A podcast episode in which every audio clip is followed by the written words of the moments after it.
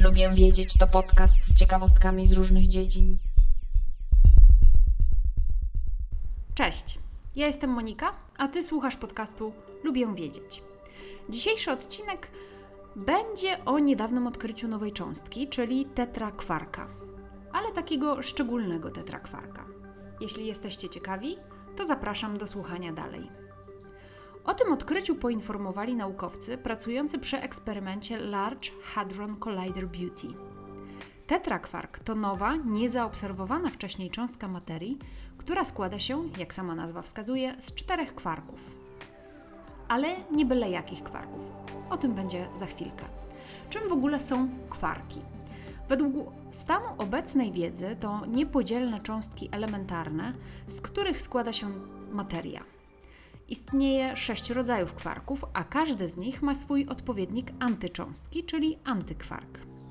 Niezależnie od siebie teorię kwarków w 1964 roku zaproponowali George Zweig i Murray Gell-Mann.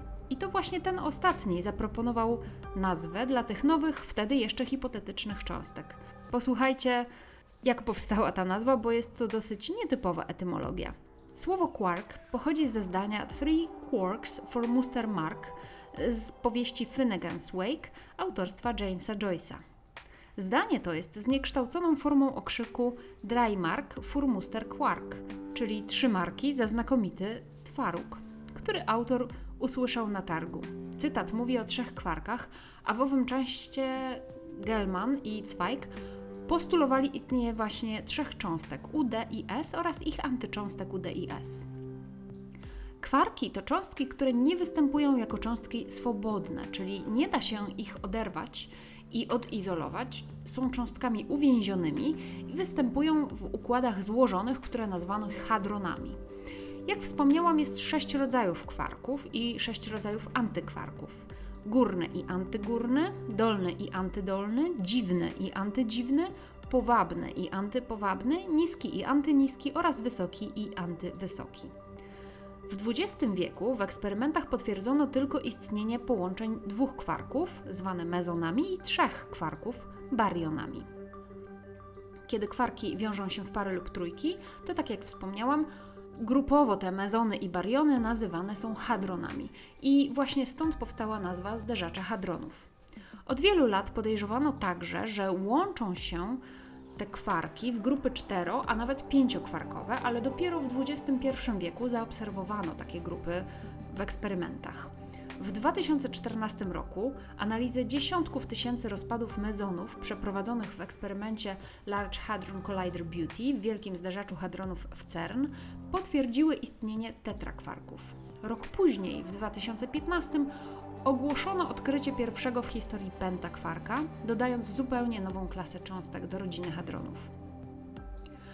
A teraz, nie tak dawno, odkryto tetrakwarki wyjątkowe.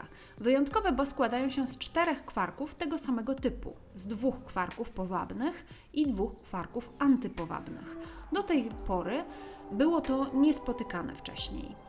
Choć muszę przyznać, że ostatnie zdanie na stronie Wielkiego Zderzacza Hadronów zwraca uwagę na to, że naukowcy jak na razie nie są stuprocentowo przekonani, że odkryta cząstka to tetrakwark, czy może tylko dwie dwukwarkowe cząstki. Ale tak właśnie wygląda nauka. Nic nie jest pewne na 100% i to tylko pseudonaukowcy są definitywnie przekonani o swojej nieomylności. No ale czemu to jest w ogóle istotne? Czemu Wam o tym mówię? Otóż naukowcy wierzą, że to odkrycie pozwoli im lepiej zbadać kwarki i ich wiązania w grupy. Bo to właśnie z kwarków powstają na przykład protony i neutrony w jądrze atomu. A jeszcze 100 lat temu wydawało się, że protony i neutrony są cząstkami, których już nie da się podzielić na mniejsze. Według mnie to fascynujące widzieć, jak zmienia się nasza wiedza na temat otaczającego nas świata. Jeśli Was to też fascynuje, to zapraszam na kolejne odcinki podcastu Lubię Wiedzieć. Zajrzyj do notatek tego odcinka, bo tam znajdziesz linki do źródeł informacji. Możesz też polubić fanpage podcastu na Facebooku lub na Instagramie. W obu miejscach szukaj hasła Lubię Wiedzieć, bo tam zamieszczam dodatkowe nowinki. Zapraszam też na mój drugi podcast Fiszkowa Kartoteka, w którym mówię o książkach. Do usłyszenia, cześć!